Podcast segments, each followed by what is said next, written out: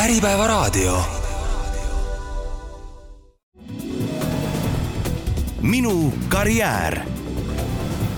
tere päevast, te kuulate sisuturundussaadet Minu karjäär. mina olen saatejuht Sigrid Hiis ning suur rõõm on stuudios tervitada Sirli Vaherit, persona tooteomanikku ja meeskonnajuhti.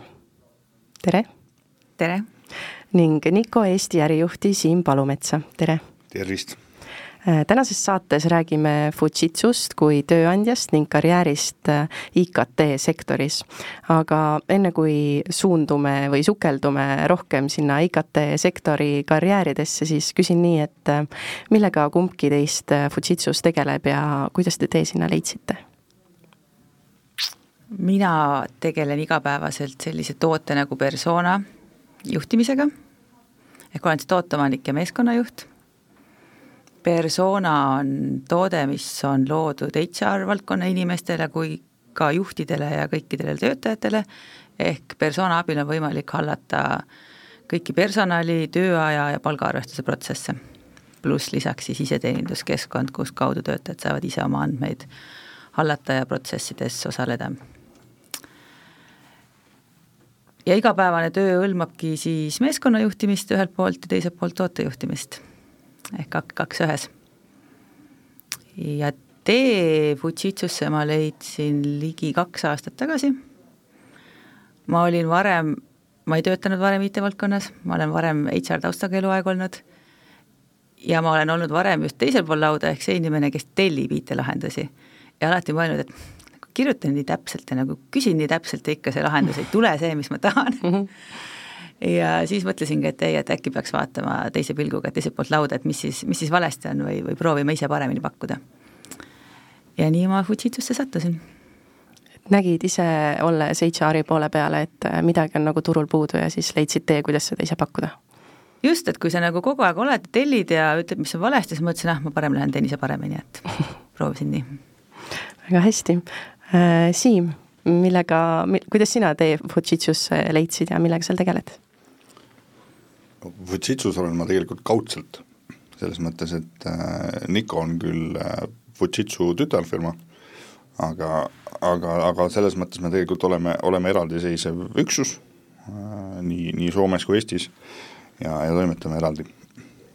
et äh, meie oleme siis selline hea pikk ja lohisev sõna nagu IT-ressursiagentuur. et me viime kokku Eesti ja siis ka Soome ja, ja teistelt turgudelt siis äh, Äh,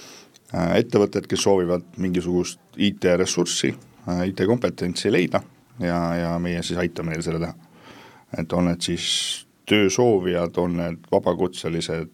võivad olla ka teiste ettevõtete töötajad, kes siis projektipõhiselt äh, saavad, saavad mõnes muus projektis kaasa lüüa. ja kuidas sa ise Teefujitsusse leidsid? noh, värbamisega tegeledes on hea öelda, et mind värvati et selles mõttes, et selline võimalus avanes ja, ja haarasin sellest võimalusest kinni, et et proovida midagi uut siin Eestis natukene teha värbamise valdkonnas. Äh, räägime Fujitsust kui äh, tarkvaraosakonnast, äh, kui tööandjast. kuidas teie, kui te ise töötate tarkvaraga seonduvalt, kuidas te tajute, milline tööandja milline on Fujitsu tööandjana? Ma võiks öelda, et ma tajun tegelikult päris sarnaselt, nagu me välja reklaamime, ehk pere- ja töötajasõbralik äh, tööandja. ma võin öelda, et niimoodi see tõesti on, töötaja on fookuses, ma tunnen, et ma olen hoitud, toetatud, me tegeleme erinevate, noh, proovime ka inimestes leida neid tugevaid külgi, neid arendada, meil on väga mitmekülgsed võimalused, ehk et kuna meil on circa seitsekümmend inimest ja meil on erinevad tooted ja teenused, ehk me pakume ühelt poolt on persona kui valmistoode, meil on ka Microsoft Dynamicsi tooteid, meil on, me teeme ka eriprojekte riigikasutustele ja ka teistele ettevõtetele, siis see valikuvõimalus ja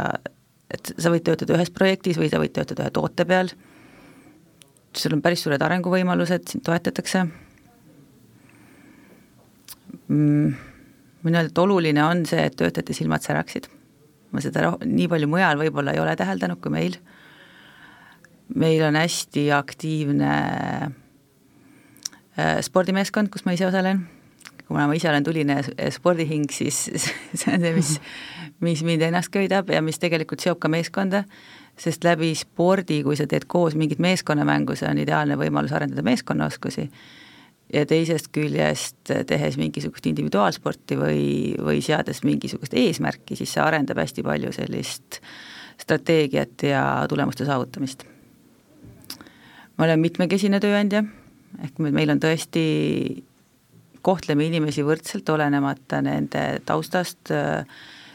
siin ei ole ainult, et meil on mehi ja naisi, meil on erinevas vanuseastmes, meil on erinevas erineva staažiga, mul endalgi tiimis, kui ma mõtlen, et meil on neliteist inimest, siis mul on äh, noori naisi arendajaid ja mul on vanemaid meesterahvaid arendajaid, mul on inimesi, kes on olnud seal hästi pikalt ja inimesi, kes on nüüd alles tulnud, meil on erinevast rahvusest inimesi, eks see mitmekesisus on see, mis tegelikult tagab selle, ühest küljest tagab, tagab kindlasti edu, et äh, see annab äh, kergem on mõista seda klienti, sest tegelikult see klient on ka mitmekesine meil ju taga, et. Kui te teete neid äh, erinevate spordiasjadega, tegelete oma meeskonnaga siis või Fujitsu üleselt äh,, mis kõige populaarsem selline spordiala on, millega kõige rohkem inimesi tegeleb teil? kuna me võtame osa firmaspordisarjast, siis seal on alati hästi palju erinevaid alasid ja see ongi hästi tore, et me oleme saanud proovida kurlingust kirge, kirve viskamiseni, alati me teeme kõiki asju nagu esimest korda aga populaarsed on kindlasti kõikvõimalikud pallimängud, kust meil ongi jäänud edasi nüüd äh, ka mingisugused äh, valdkonnad, kus me jah, edasi mängime sulgpall ja padel ja korvpall ja jalgpall ja aga kindlasti on ka palju inimesi, kes meil tegelikult sporditiimis ei osale, aga spordivad ikkagi nagu väga tublisti ise, et et ikka nagu niisugused klassikalised jooksmised ja jõusaalid ja et mulle tundub, et inimesed väärtustavad oma tervist, et see vaimne ja füüsiline tasakaal oleks ja mai-, mainisite ka, et äh, tiimis on neliteist inimest vist oli, jah? minu tiimis on mm. -hmm. ja kui seal on, äh, küsin, küsin siis nii, et kui tiimis on nagu mainitud, siis näiteks noori nai-, naissoost arendajaid ja vanemaid näiteks meessoost arendajaid või vahet ei ole, kas nad on naised või mehed, kuidas, mis on sellised nipid, kuidas seda tasakaalu nende vahel luua või ühisosa leida, et nad ka tunneks ennast ühtse tiimina? Eks see ole ikka seesama asi, et see kaasamine, kaasamine ja rääkimine ja rääkimine, et jaa, et esialgu juhina mõtled küll, et issand, kui keeruline, mul on need nii erinevad inimesed, see nõuab minult nii palju, et ma pean nii palju andma, nii palju rääkima, nii palju aru saama ja mõistma, et nende vajadused ja nägemused on hoopis erinevad, aga lõpuks see pingutus ja ajakulu tasub ennast ära, et, et see ongi lihtsalt rääkida ja koos teha asju ja just, et, et kui on ka mingid rasked kohad, mis tuleb ära rääkida, tuleb ära rääkida mm. -hmm. et vahest tulebki siis võtta paus ja rääkida pärast uuesti. aga kui asjad jäävad rääkimata, siis, siis on jah, et jah, tegelikult need rasked kohad ka kasvatavad või tekitavad seda arengumomenti Niko nimetab ennast turu kõige innovaatilisemaks IT-personaliteenuste agentuuriks. mis teeb Nikost kõige innovaatilisema IT-personaliteenuste agentuuri? See on hea küsimus, aga selles mõttes, et äh, no ma, mulle endale meeldib kasutada sellist inglisekeelset väljendit nagu one-stop shop. ehk siis äh, klient tuleb meie juurde sisuliselt ükskõik millise siis nagu IT-personali sooviga või vajadusega äh,, noh, näiteks tal tulebki mingisugune projekt, mis kestab, ma ei tea, pool aastat, kus on nõutud mingisugune väga spetsiifiline kompetents mida Eestis võib-olla on kak-, kaks inimest üldse töötab selle ala peal. et, äh, et, et kui ta muidu peaks võib-olla mõtlema, et kuidas ma sellise inimese värban ja kui palju see mulle maksma läheb, siis noh, meie kaudu on võimalik tal see inimene selles mõttes saada ajutiselt. et, äh, et me leiame selle inimese siis, kui me räägime Eestist, siis Eesti turult äh, ülesse ja, ja toome ta siis tema meeskonda. et ajame ise, ise kõik nii-öelda lepingud korda ja, ja sisuliselt anname nii-öelda võtmed või siis klaviatuuri, klaviatuur käes inimese üle. kui kerge või raske selliseid inimesi Eesti turult kätte saada on, kas nad on siis, ma ei tea, töötavadki projektipõhiselt ja neid saabki nii, et üks, üks projekt lõpeb, kestab pool aastat ja siis teie leiate ta uuesti üles ja viite järgmisega kokku? nagu enamike asjadega, siis see kõik oleneb. et, et see oleneb, mis, mis see projekt on, kuhu teda siis soovitakse, mis need projekti tingimused on Äh, tänapäeval ka see, et kui huvitav see tegelikult on äh, ja kui tähendusrikas see projekt on. aga need inimesed, nad ei, nad võivad olla freelancer'id või siis vabakutselised, eks, väga paljud spetsialistid, kellel on kogemust juba selline viis, kuus, seitse, kümme, kümme pluss aastat, siis nad tegelikult liiguvadki sinna, enamasti sinna suunda, et nad hakkavad nagu ise pakkuma oma teenust. Aga, aga nad ei pea olema, selles mõttes, et Eestis on kindlasti ettevõtteid, kes äh, ala sellist kompetentsi omavad ja, ja tihti, tihti on nad nõus siis ka seda inimest siis nii-öelda laenama või siis rentima või kes, kuidas nimetab. Äh, kuidas te näete, kes on sellised või mis valdkonna äh, inimesed on praegu Eesti IKT sektoris kõige nõutumad? klassikaline nii-öelda on, on Java arendajad, neid lihtsalt. Et kuna väga paljud süsteemid on, on Java peal arendatud, siis, siis Java, Java arendajad kindlasti, aga, aga ütleme, selliste lühiajalisemate projektide puhul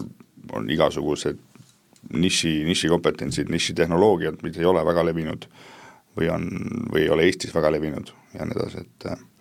noh, aina enam ja enam kindlasti on küberturvalisus see valdkond, kus otsitakse spetsialiste. Äh, räägime uutest töövormidest. mis on, mis on teie vaates sellised äh, uued töövormid ja, ja mis, miks ja kuidas äh, Fujitsu neid toetab ja, ja üldse, üldse neid näeb? paraku on jah niimoodi, et äh, ei ole see elu enam nii lihtne, et sa lähed kooli, õpid eriala ära ja käid iga päev kaheksast viieni ühes toas tööl, et et on muutunud keskkond, on muutunud nõudluspakkumine, uued töövormid on ikkagi see, see ei ole ainult see paindlikkus koha ja aja suhtes, et ma võin töötada kodunt, mis koroona meiega, meile tõi, vaid see on ka see, et tehakse erinevaid projekte, tahetakse proovida natuke ühte, natuke teist, töötatakse erinevate tööandjate juures hästi palju ikkagi, et ei ole niimoodi, et ma töötan nüüd ainult selle tööandja juures ja teen ainult temale nüüd mingisugust IT-disaini, seesama freelancer ite teema, mida, mida Siim juba mm -hmm. rääkis, on meil hästi levinud ja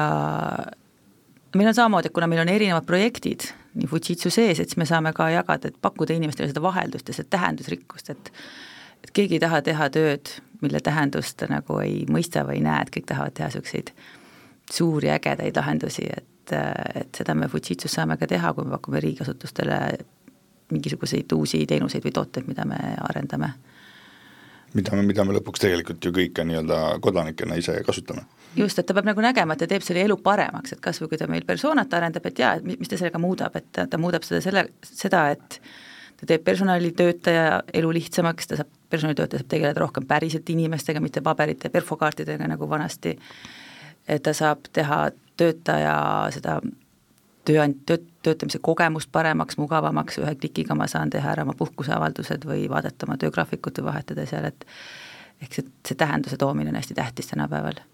aga uutest töövormidest veel jah, on piiriülesed töötamised, eks, et ei ole enam vahet, kus kohas sa otseselt töötad, et me võime arendust osta sisse ka Indiast, me ei pea seda siit Eestist võtma ju.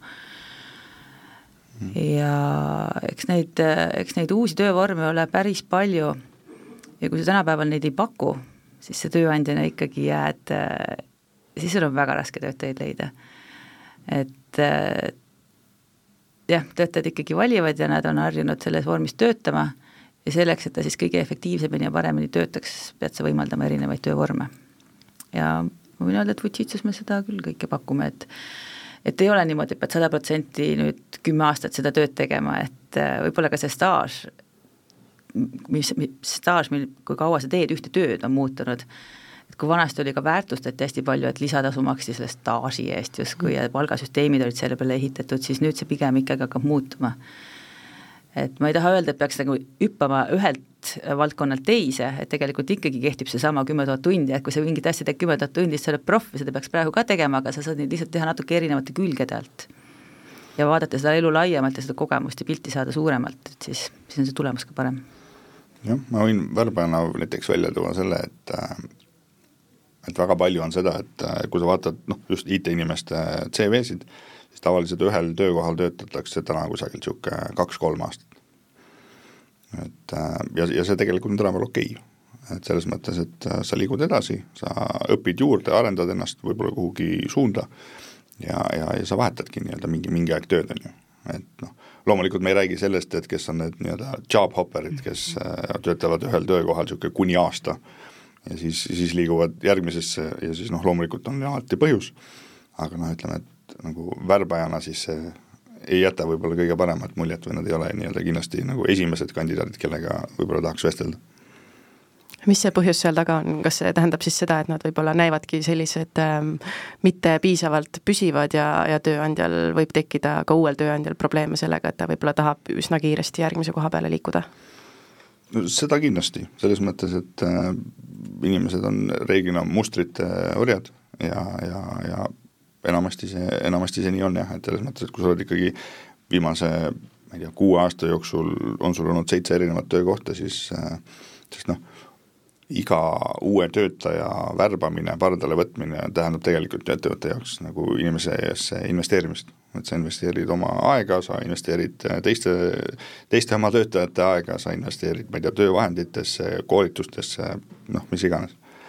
ja, ja kui sa nii-öelda seda mingi aja peale nagu tagasi ei saa või seda väärtust tegelikult sealt ei saa, et siis noh, sa nullist tagasi lõpuks aasta aja pärast, tegelikult isegi miinuses kuidas te tajute, äh, kas inimesed, äh, kes otsivad IT-sektoris äh, tööd või, või siis uut positsiooni, kuidas, kuidas see palga või siis töötasu ja kõikide nende teiste hüvede rolli suhe on. kas palk on endiselt number üks või sinna kõrvale, nagu veidi oleme ka puudutanud seda teemat, et on olulised igasugused paindlikkus ja, ja see, kas ma sobin ja kas on mingi missiooniga töö, et kuidas, kuidas see nende palga ja, ja selle kõige muu suhe omavahel on muutunud näiteks viimase viie aasta jooksul? Kindlasti ei ole palk number üks, seda ma võin öelda omast kogemusest, kui ma just alles hiljuti värbasin ja lõpuks tänu Siimule saingi inimese. Ja vaadates ka erinevaid uuringuid, et siis tegelikult inimesed ei ütle, palk on number üks. paindlikkusest on saanud hügieenifaktor, ilma selleta nagu ma ei kujuta ette, et seda ei paku. Aga hästi olulised on ikkagi see töö väärtus või noh, see väärtus, mis sa lood seda tööd tehes see on üks asi ja teine asi on see, mis need uued töövormid on juhtidele paraja väljakutse esitanud, sest äh, juhtimiskvaliteet on kogu aeg teema olnud, aga nüüd ta on veel kõvemini teema, et et see ju, juhtimiskvaliteet on see, mida tegelikult uued inimesed pal-, palju ootavad. ja meeskonnatunne, seesama tunnustus, kuuluvusvajadus, et äh, sellega on vaja oluliselt rohkem tegeleda kui varem, kui sul kõik inimesed olid ühes ruumis koos nad on sul kõik laiali, võib-olla üle maailma laiali, sa näed neid ainult äh, läbi arvutiekraani vahest, et kuidas seda siis tekitada. ja see on tegelikult see, kui ma, kuna ma hiljuti ka värbasin, ma vaatasin inimesi, kes tulevad oma eelnevatelt töökohtadelt ja miks nad ära tulevad, toodi seda väga tihti esile, et nad jäid üksi. et nad jäid sinna arvuti taha üksi, nad ei tunne emotsionaalset seost enam, emotsionaalset pühendumust ei ole tööandjale ja siin ma arvan, et me meil kõigil õppida, et kuidas seda nüüd äh, tekitada, et räägime veidi ka teie enda karjääriteekondadest. mõlemad olete praeguseks jõudnud siia, kuhu te olete jõudnud. Äh, kuidas, kuidas äh, see välja on näinud ja millised võiksid olla mõned nõuanded IKT sektoris, mis te enda näiteks isiklike kogemuste või õppetundide pealt olete saanud mm,? jah, noh, selles mõttes, et mina küll nii-öelda töötan IT-spetsialistidega, aga no ma ise ei ole selles mõttes IT-taustaga mm, -hmm. et ma olen tegelenud värbamisega noh, tänaseks niisugune kolmteist, neliteist aastat, aga, aga ja mitte, ja mitte ainult värvanud äh, IT-inimesi, vaid, vaid värvanud alustades kõik, kõikidest rollidest, siis värvanud endisi sõjaväelasi nii-öelda Iraaki, Afganistani, kuhu iganes. ja nüüd viimased siis ikkagi aastad äh, IT-spetsialiste siis äh, noh, nõuannetena ma ütleks niimoodi, et äh, väga palju on viimastel aastatel nii-öelda meediast igalt poolt läbi käinud, et, et IT-sektor on, on, on nagu hea koht, kus olla, et siin on head palgad, äh, see reeglina jääb võib-olla igasugustest kriisidest natuke vähem saab nii-öelda puudutatud kui mõned teised valdkonnad, aga ma tooksin selles mõttes välja selle nagu olulise asja, et, et, et kui ikkagi IT-sektoris nagu tahta ennast arendada või, või nagu karjäär valida selles valdkonnas, siis tegelikult peaks olema ka nagu tõsine huvi selle asja vastu. et, et need äh, inimesed, kes noh, kes tulevad nagu IT-sektorisse valedel põhjustel, et just needsamad põhjused, eks ole, palk ja, ja mis iganes, et see tegelikult paistab välja. et, et kui me räägime värb, värbamisel ka näiteks noh, võtame arendajad, seal on erinevad äh, kogemuse siis nagu tasemed, juuniorid, kesktasemed, vanem arendajad, seeniorid, mis iganes, et siis äh, noh, tegelikult ütleme viis aastat kogemust versus viis aastat kogemust ei ole pahatihti sama asi. et, et kui inimesel on ikkagi valdkonna vastu kirg, ta õpib ise juurde, arendab ennast äh, iseseisvalt, nokitseb ise mingite asjade kallal lisaks, siis, siis see on oluline eelis äh, tööturul kindlasti kui see, kes on viis aastat teinud seda sellepärast, et ta tuli algselt valedel põhjustel näiteks ehk siis äh, kui näiteks mõni noor kuulab, siis üks nõuanne võiks kindlasti olla, et valdkonna vastu peab olema huvi ja kirg? kindlasti, selles mõttes, et noh, see ei ole ainult IT-sektoris mm, -hmm. on mhm. igal, igal pool niimoodi, et lõpuks sa pead tegema seda, mis sulle meeldib, sest äh, kui sa avastad seda kümme aastat hiljem, olles mingi valdkonnas, mis sulle tegelikult ei, ei sobi, siis siis lõpuks oled sa kaotaja ikkagi ise, et äh, et, et peab meeldima. Sirli? no ma võiks sama öelda, et ma arvan, et ma kunagi ei kujutanud ette, et ma tulen IKT valdkonda tööle, et see tundus minu jaoks nagu ma ei tea, igav ja võib-olla niisugused stereotüübid, eelarvamused olid hästi tugevad. et seal on need patsiga poisid, kes midagi ei räägi ja see pole üldse minu jaoks, et ma olen niisugune inimeste inimene. aga ei tasu nagu ka mingisuguseid seinu endale ette panna, et ma läksin ka algselt hoopiski politoloogiat, haldusjuhtimist õppima, hiljem õppisin psühholoogiat peale, eluaeg töötanud siis personalivaldkonnas ja seesama, see põhjus, miks sa siis tuled sinna IT-sektorisse, et jaa, ma teadsin küll, et seal on head palgad või et hästi, äkki saaks kuidagi kõrget lendu, aga see ei olnud see põhjus, miks ma tulin. et see, sa pead ikkagi, kui sa midagi teed, sa teed seda kirega.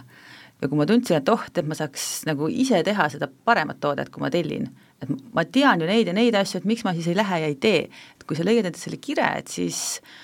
siis ma arvan, et kui sa kandideerid isegi, noh, mul ei olnud tooteomaniku kogemust aga kui sa selle sära ja kirega lähed, sa suudad ennast nagu maha müüa, sulle antakse võimalus. et mina küll julgustan tulema siia sektorisse, eriti naisi, sest naistena on meil tihti, me oleme nii enesekriitilised, sada korda rohkem kui mehed kui meid kuskil pikali lüüakse, siis me nagu püsti ei saa võib-olla nii kiiresti. et, et olla julge ja kui sa tõesti nagu tahad, mõtle see visioon välja või kujuta seda oma peas, kuhu sa tahad jõuda ja tegutse, küll kõik uksed lähevad ise lahti, aga hoia seda visiooni ees, kuhu sa tahad jõuda ja ikkagi näe vaeva ja tee tööd, et sul ei tooda asju kandikul kätte. et see ei ole ka, et ma tulen IT-sektorisse ja löön jalad laua peale ja saan hullult palju pappi. et ei ole, sa pead vaeva nägema, et sa pead pingutama, sa pead pühenduma ja, ja siis, siis tuleb kõik see muu, et et kõik on võimalik, aga sa pead ise tahtma ja vaeva nägema jah, selles mõttes, et IT-sektor on väga lai, väga lai mõiste, et seal on nii palju erinevaid nagu suundi ja aladomeene, kus, kus saab ennast nagu arendada ja, ja mida nii-öelda oma siis nagu karjääriks valida, et et kel vähegi huvi on, siis kindlasti tasub, tasub seda nagu tõsiselt kaaluda. Ja, ja tegelikult on ju võimalik ka nagu tänapäeval päris palju asju enne reaalset nagu lõpuni pühendumist nagu järele proovida. et kas on need siis, ma ei tea, online koolitused, on need ma ei tea, siis need praktikaprogrammid, noh, variante on mitmeid, kus sa saad tegelikult nagu maitse suhu, enne kui sa ennast nagu lõplikult nagu seod. ja see on väga tore, mis Siim mainis ka, et erinevaid igasugu projekte on ja koolitusi ja asju, et kuidas sa saad nagu vaadata, mis see valdkond on. aga ikkagi jah, see julgus, et, et julge proovida et see ei ole nii õudne, mul ka jalad värisesid, kui ma tulin, mõtlesin, issand jumal, see on, ma ei tea valdkonnast midagi, mul on vastas mingisugused meesterahvad eluaeg IT, IT-valdkonnas töötanud, samal ajal oli mul, kui ma tulin, kukkus mul eraelu kõik kokku, mul, siis ma mõtlesin, issand jumal, et nagu ah läheks tagasi, et nagu ma ei tea, et see hirm nagu tekkis, aga kui sa nagu mõtled, et miks sa tulid, sa hoiad seda visiooni ja lähed julgelt läbi, et siis, siis see on lahe aga lähemegi edasi meeskonna arendamise ja juhtimise teemaga. Sirli, sin-, sinul on endal neljateistliikmeline meeskond, kuidas sa tunned, mis on sellised kõige olulisemad märksõnad, mida meeskonna juhtimisel sina oma igapäevatöös järgid? kõige tähtsam, ma arvan, on ikkagi see, et sul on eesmärk, mis sa pead saavutama ja sul on need inimesed ja hästi tähtis on see iga pusle, pusletükile leida täpselt see õige koht ehk meil kõikidel on oma tugevused, meil kõikidel on oma nõrkused, meil, meil tekivad mingid konfliktid kuskil, aga just, et leida see koht sellele inimesele, kus ta, kus tal endal silmad säravad ja kus tegelikult noh, ainult sellest ei piisa et me oleme ikka kärjettevõte, et sa selle ka, et sa eesmärgi ka täidaksid. ehk see on võib-olla selline kõige olulisem asi, et kui on õiged inimesed õigetel kohtadel, siis, siis juba, siis juba hakkab minema. aga mis sinna juurde kindlasti veel nagu kuulub, on see äh,, on kindlasti inimeste kuulamine, nende kaasamine ja hästi tore on olla muidugi, ma ise olen ka niisugune inimeste inimene, võib-olla kipun natukene need rasked otsused, et sa ei saa kogu aeg teha seda, mis kõik õnnelikuks teeb.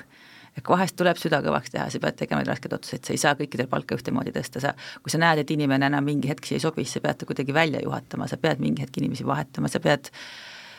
sa pead vahest, need rasked otsused on vaja ka ära põhjendada inimestele, et kui nad saavad sellest aru, siis nad mõistavad seda. aga see kommunikatsioon ja see natukene aga seda, mida me ennem rääkisime, et need uued töövormid on pannud äh, just sellele inimestega tegelemisele suurema rõhu. ehk et äh, ma arvan, et kunagi varem ei ole pidanud juhid nii palju võib-olla oma inimestega tegelema, et äh, nendega ongi, et kui nad on sul laiali arvutites, et sa pead kõikide jaoks selle aja võtma ja ja suhtlema ja seda sidet hoidma ja tekitama seda tunnet ja tunnustus ka muidugi. et tunnustust vajame me kõik, et, et edasi liikuda Äh, Siim, kuidas sina võib-olla värbaja poole pealt näed, kas, äh, kas kui keegi tuleb sinu juurde sooviga leida oma tiimi uut inimest, siis äh, kas ka nende tiimijuhtide või meeskonnajuhtide poole pealt on juba mingisugused sellised ähm, ma ei tea, meeskonna arendamisega seotud mõtted, mis nad ka sulle edastavad? jah, selles mõttes, et mitte väga palju, ähm, et noh, kuna me värbame reeglina ainult tehnilisi rolle, siis, siis pahatihti on nagu just see tehniline profiil nagu, nagu tähtsam, et, et saaks nagu need äh, skill, skill'id ja kompetentsid nagu paika, et mis, mis nagu parajasti puudu on. Aga noh, aga me ise selles mõttes äh, küsime loomulikult äh, hästi palju värbavatelt juhtidelt juurde, et millist inimest teil tiimi vaja on, milline inimene teile tiimi sobiks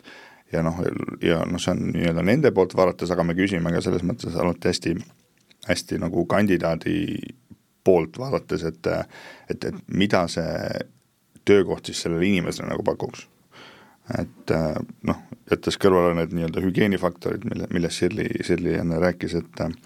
need aga just ka nagu enesearengu koha pealt. et, et, et mis oleks nagu siis selle uue värvatava inimese siis selline nagu ma ei tea, karjääri pipeline või, või, või, või nii-öelda, et, et, et okei okay,, täna ta tuleb siia rolli näiteks, et, et kust, kuhu ta võiks jõuda, ma ei tea, viie aasta pärast, mis, mis on need nii-öelda need äh, hüppelauad või, või need äh, stepping stone'id, et, et kus ta saaks nagu edasi areneda kas te tunnete ka, et äh, võib-olla üha enam on ka värbaja ülesanne olla seal kõrval ka selline karjäärinõustaja inimesel, et ta, et et leiaks nii see inimene, kes otsib tööd, kui ka see, kes otsib töötajat, selle õige match'i, et nad ei lähekski just nagu sa mainisid ka, et ei tekiks sellist võib-olla vale ettekujutust töökohast või vale ettekujutust töötajast, vaid et see klapp olekski nagu väga hea. selles mõttes, et värbaja peaks olema minu silmis konsulteerivas rollis äh, nagu kogu aeg ja, ja tegelikult peaks olema olnud ka siiani. aga aina enam on see selles mõttes oluline kindlasti et, et mida parem match õnnestub nagu teha, seda õnnelikum on lõpuks siis see värbav äh, ettevõte ja, ja seda õnnelikum on töötaja ja, ja loogiliselt võttes ka siis noh, seda, seda pikem ja nagu edukam on see nende omavaheline koostöö. et, et meie kui värbajate huvi on, on ikkagi see, et kõik osapooled oleksid selles mõttes nagu õnnelikud ja rahul selle lõpptulemusega, et et sellist lühi-, lühikest pilti, et saaks kellegi värvatud ja, ja nii-öelda case closed, et see, see ei, ei vii edasi. Äh, räägime veidi ka sellest, äh, kui äh, Sirli, sa mainisid ka, et inimesed on tihti oma arvuti taga ja juhi roll nagu neile tähelepanu pöörata on aina olulisem, et leiaks aega nende jaoks, siis kuidas, kuidas luua tugevaid professionaalseid suhteid ja, ja ka võib-olla väljaspool nagu enda tiimi laiendada seda võrgustikku, kuidas leida inimeste jaoks rohkem aega ja rohkem aega, et suhelda enda valdkonna inimestega? või mis kanaleid te kasutate näiteks? kõik hakkab prioriteetide seadmisest, et mm, -hmm. et sa pead seadma enda jaoks prioriteedid, mis on tähtis ja võtma selle jaoks aja. et inimestega, kuidas kontakti leida nii töötajatega kui väljaspoolt, ma arvan, ole ehe ja siiras, ole see, kes sa oled, ütle, ole aus, julge tunnistada oma hirme, julge tunnistada oma vigu, kui sa kuskil puusse paned, sest me kõik teeme vigu. ja, ja ongi, et sa, sa pead võitma selle usalduse, ilma usalduseta ei juhtu mitte midagi. kui sul tiimis ei ole usaldust, siis sa seda tiimi ei juhi. et ja usalduse võitmine jah lihtsalt, lihtsalt ole olemas, kuula ja oska ka kuulata, see on võib-olla minul natuke nõrk koht, et et äh, sa kuulad, aga võta see hetk, et sa päriselt kuulad, et sa oled päriselt olemas ja sa küsid ja sa huvitatult kuulad. et ähm, ja väljaspool tiimi, mis mind on kindlasti kõvasti aidanud, on see, et äh, kuna ma tundsin, et ma erialaselt võib-olla ei ole nii IT-sektoris sees, siis mind on aidanud hästi palju mentor, väljaspoolt just et sul on keegi, kellele sa nagu, kelle käest sa saad kõiki neid lolle küsimusi küsida, mida sa oma tiimi käest ei hakka ometigi küsima. et, äh, et leia see keegi, kes sind toetab ja kes sind tõstab, et kui sind ümbritsevad need viis inimest, kes sind inspireerivad, et siis sa ise ka särad. et loo, loo see, loo see võrgustik enda ümber. ja, ja tõesti, et äh, hästi tähtis on omada ka neid professionaalseid suhteid, et tegelikult ükskõik, kas sul on kliendiga või koostööpartneriga mingisugune teema või raskem probleem, et reeglina me ei lahenda seda laua taga ja see teemad kuhjuvad sealt, et et meil on võrgust, meil on hästi palju võimalusi võrgustumiseks, meil on erinevaid äh, võrgustikke, meil on konverentse, meil on üritusi, nagu ma enne ütlesin, kuna ma olen niisugune hull spordifänn, siis tegelikult äh, eriti minu vanuses inimesi leiab igasugustelt spordivõistlustelt ja spordiradadelt hästi palju. ole avatud, mine suhtle, et äh, päris palju kontakte nüüd tööalaselt olen saanud ka tõesti palliplatsilt ja jooksurajalt, et või matkates või ja, ja loo see isiklik kontakt, et kui sul on nagu mingi raske olukord, siis ma ütlen, et üks, mul on varem olnud üks üli, ülikeeruline probleem laual, kus siis saime laua taga kokku ja mõtlesin, et kuidas ma nüüd seda lahendan, et noh, see on nagu nii keeruline, mõlemad on kuidagi nii pinges, siis, siis kuidas me selle lõpuks lahendasin, oligi, et sa leiad selle inimesega inimlikul tasandil midagi ühist. ja me leidsime, et oo, me mõlema esimesed lapsed lähevad esimest korda kooli. Ja me hakkasime sellest nagu rääkima, nendest hirmudest, mis lapse kooli minekuga ja see probleem tegelikult lahenes nii lihtsalt. kõik nagu, kõik need tõkked ja barjäärid olid maas, et et jah, et proovi läheneda inimlikul tasandil, et äh, siis sa võidad selle usalduse ja siis, siis on juba palju lihtsam. ja, ja ole aktiivne ja käi ja räägi ja tee ja ole pildis, et et kui sa tõesti üksinda seal oma toas arvutis oled, siis, siis on hästi raske võib-olla ka need, kes on näiteks enda karjääriteekonna alguses, äh, Siim, võib-olla sul on äh, ka värbaja poolt taas nõuandeid anda, kes on karjääriteekonna alguses ja mõtlevad, kuidas võib-olla ka pikemas plaanis luuagi endale seda võrgustikku või, või mingisuguseid kontakte kuskilt saada, kes võib-olla tulevikus kas või tööandjatena võiksid kasulikud olla või lihtsalt äh, professionaalsete kontaktidena? -hmm. no selles mõttes, et see see võrgustumine, et see, see natukene sõltub ka nii-öelda sellest inimese nagu iseloomust. et jah, see on oluline, äh, kontaktid äh, mis iganes suunas siis on alati kasulikud ja, ja neid selles mõttes võimalusel tuleks luua, et kõik need asjad, mida, mida Sirli rääkis, et ma olen, olen väga nõus, aga, aga jällegi, et see oleneb natukene inimesest, et, et, et kui sa ikkagi oled selline nii-öelda rohkem sissepoole vaatav või, või nii-öelda kinnisem, et siis jõuga sa seda teha ei saa. et äh, kõige tähtsam on see, et sa oled sina ise ja, ja sa teed täpselt nii palju, kui sulle on tegelikult okei okay, ja, ja noh, ja see peabki nagu üld, üldpildis ka olema okei okay., et noh, neid nii-öelda kanaleid, kus midagi nagu arvata või, või nagu kaasa öelda või mõelda, et neid tegelikult on äh,, aga jällegi, kui palju keegi neid kasutab, et seda nagu ei saa ette tegelikult määrata minu arvates inimestele ja võib-olla ka tehnilisemate inimeste või tehnilisema valdkonna inimeste puhul on juba mingis mõttes sotsialiseerumine ka see ju, kui ta panebki enda, ma ei tea, näiteks siis sinna portfooliosse mingi uue töö üles ja jagab seda kas või kuskil sotsiaalmeedias. jaa, kindlasti, selles mõttes, et see on üks, üks variant ja, ja väga hea variant, et et noh, reeglina ma ütleks, et, et tehnilisemate valdkondade nii-öelda inimesed tegelikult noh, sarnased mõtlejad tavaliselt leiavad sarnaseid mõtlejaid, et et, et neil on nii-öelda omad kanalid ja, ja nad ei peagi olema kuidagi näo ja hääle ja, ja kusagil nagu suures, suures pildis. et, et see on, lõpu, lõpuks räägib äh, nende puhul nende töö nende eest, et et leiavad ka nagu tulevased tööandjad või, või siis värbajad nad äh, ikkagi üles, et räägime ka tuleviku töökohast. millisena te kujutate ette tuleviku töökohta näiteks, võtame viieteist aasta pärast? no kindlasti kindlasti paljud tööd on viieteist aasta pärast meil juba kadunud tööturult ja on tulnud uued tööd. kindlasti on äh, struktuurne tööjõupuudus suurem ja kindlasti on ka see ettevalmistus, ehk et, äh, et kas me täna valmistame ette neid töid, mis meil on viieteist aasta pärast vaja. Et ma arvan, et ka seal on väike lõhe sees. aga ma arvan, et töö ise, aina olulisem on ikkagi see produktiivsus ikkagi, et sa et noh, ka tänastes tingimustes, et sul on ühelt poolt äh, töötajad oma, oma igasuguste kasvavate kuludega ja teiselt poolt sul on see toot-, toote, toote hind, mida sa nagu ka väga tõsta ei saa, ehk sa pead produktiivsemalt tegelema, sa pead leidma need viisid, kuidas seda tööd äh, ära lahendada ja seal tulevadki kõikvõimalikud automaatlahendused, ai lahendused mängu. ehk et äh, ma arvan, et et viieteist aasta pärast jah, päris põnev on et, et võib-olla jah, rohkem on niisugust lisandväärtust ja niisugust,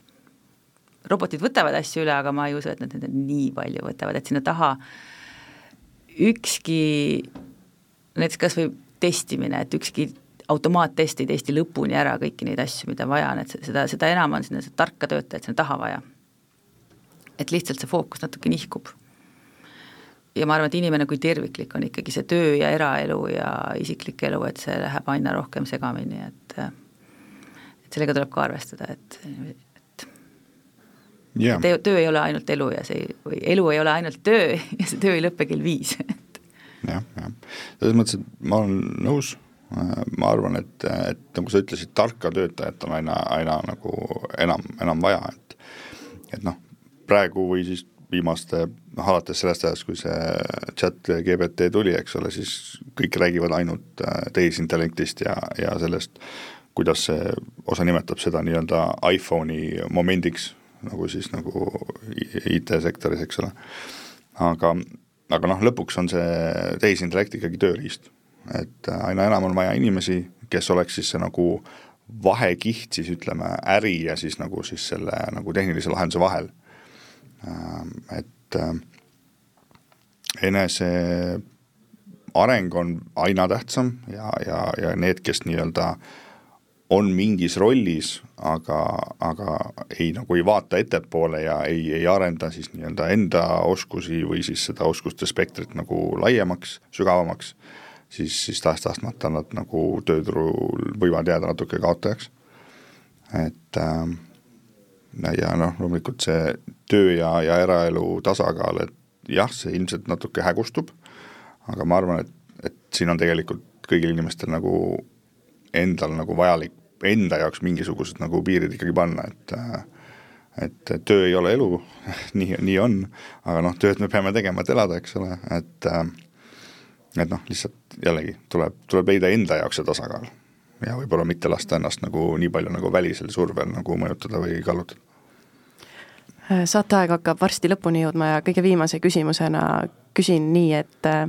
milliseid oskusi võiksid inimesed praegu endas arendada, et olla edukad tööturul ka no kümne aasta pärast või veel pikema aja jooksul? ma arvan, et nüüd pigem see täiendõpe on tõesti aina olulisem, ta on kogu aeg oluline olnud, see elukestev õpe, aga nüüd ta ikkagi mulle tundub, et muutub veel olulisemaks. ja ma ei oska nüüd siin soovitada, et see mingi konkreetne oskus nüüd on, sest pigem need on niisugused laiapõhjalised teadmised, mõistmine, arusaamine, kindlasti emotsionaalne intelligentsus ja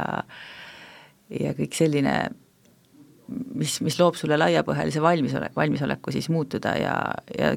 jah, kindlasti nagu muudatustega kaasatulemine, minemine, kõik see valmisolek. jah selles mõttes, et äh, kordan natuke oma varasemat mõtet, aga mingis oma valdkonnas tippspetsialistiks äh, kasvamine on äh, hästi oluline. aga, ja ka sellele lisaks siis tõesti selline kohanemisvõime ja, ja võime näha siis ka nagu teistesse valdkondadesse või osata nagu sidustada nagu enda siis tööd või enda valdkonda siis äh, mingite teiste asjadega. seotud nii-öelda teadmised, mis, mis ei ole ainult, et jah, sa oled mingis asjas väga tugev ekspert, aga kui sa nagu ei näe, mis nii-öelda kõrvaltoas toimub või siis ütleme, suurema organisatsiooni sees, et mis nagu teises silos tehakse, sa ei oska sinna midagi kaasa rääkida, et siis, siis ei ole ka hea variant, et et keskendu enda asjale, aga, aga selles mõttes hoia nagu silmad hästi lahti ja, ja nagu haara, haara muud nii-öelda kaasa ma arvan, et äh, need on väga head mõtted, millega see põnev saade lõpetada. aitäh saatesse tulemast, äh, persona tooteomanik ja meeskonnajuht Sirli Vaher. aitäh! ja Niko Eesti ärijuht Siim Palumets. aitäh! Mina olen saatejuht Sigrid Hiis, te kuulasite sisuturundussaadet Minu karjäär. Saadet saate järele kuulata Äripäeva veebis. aitäh kuulamast!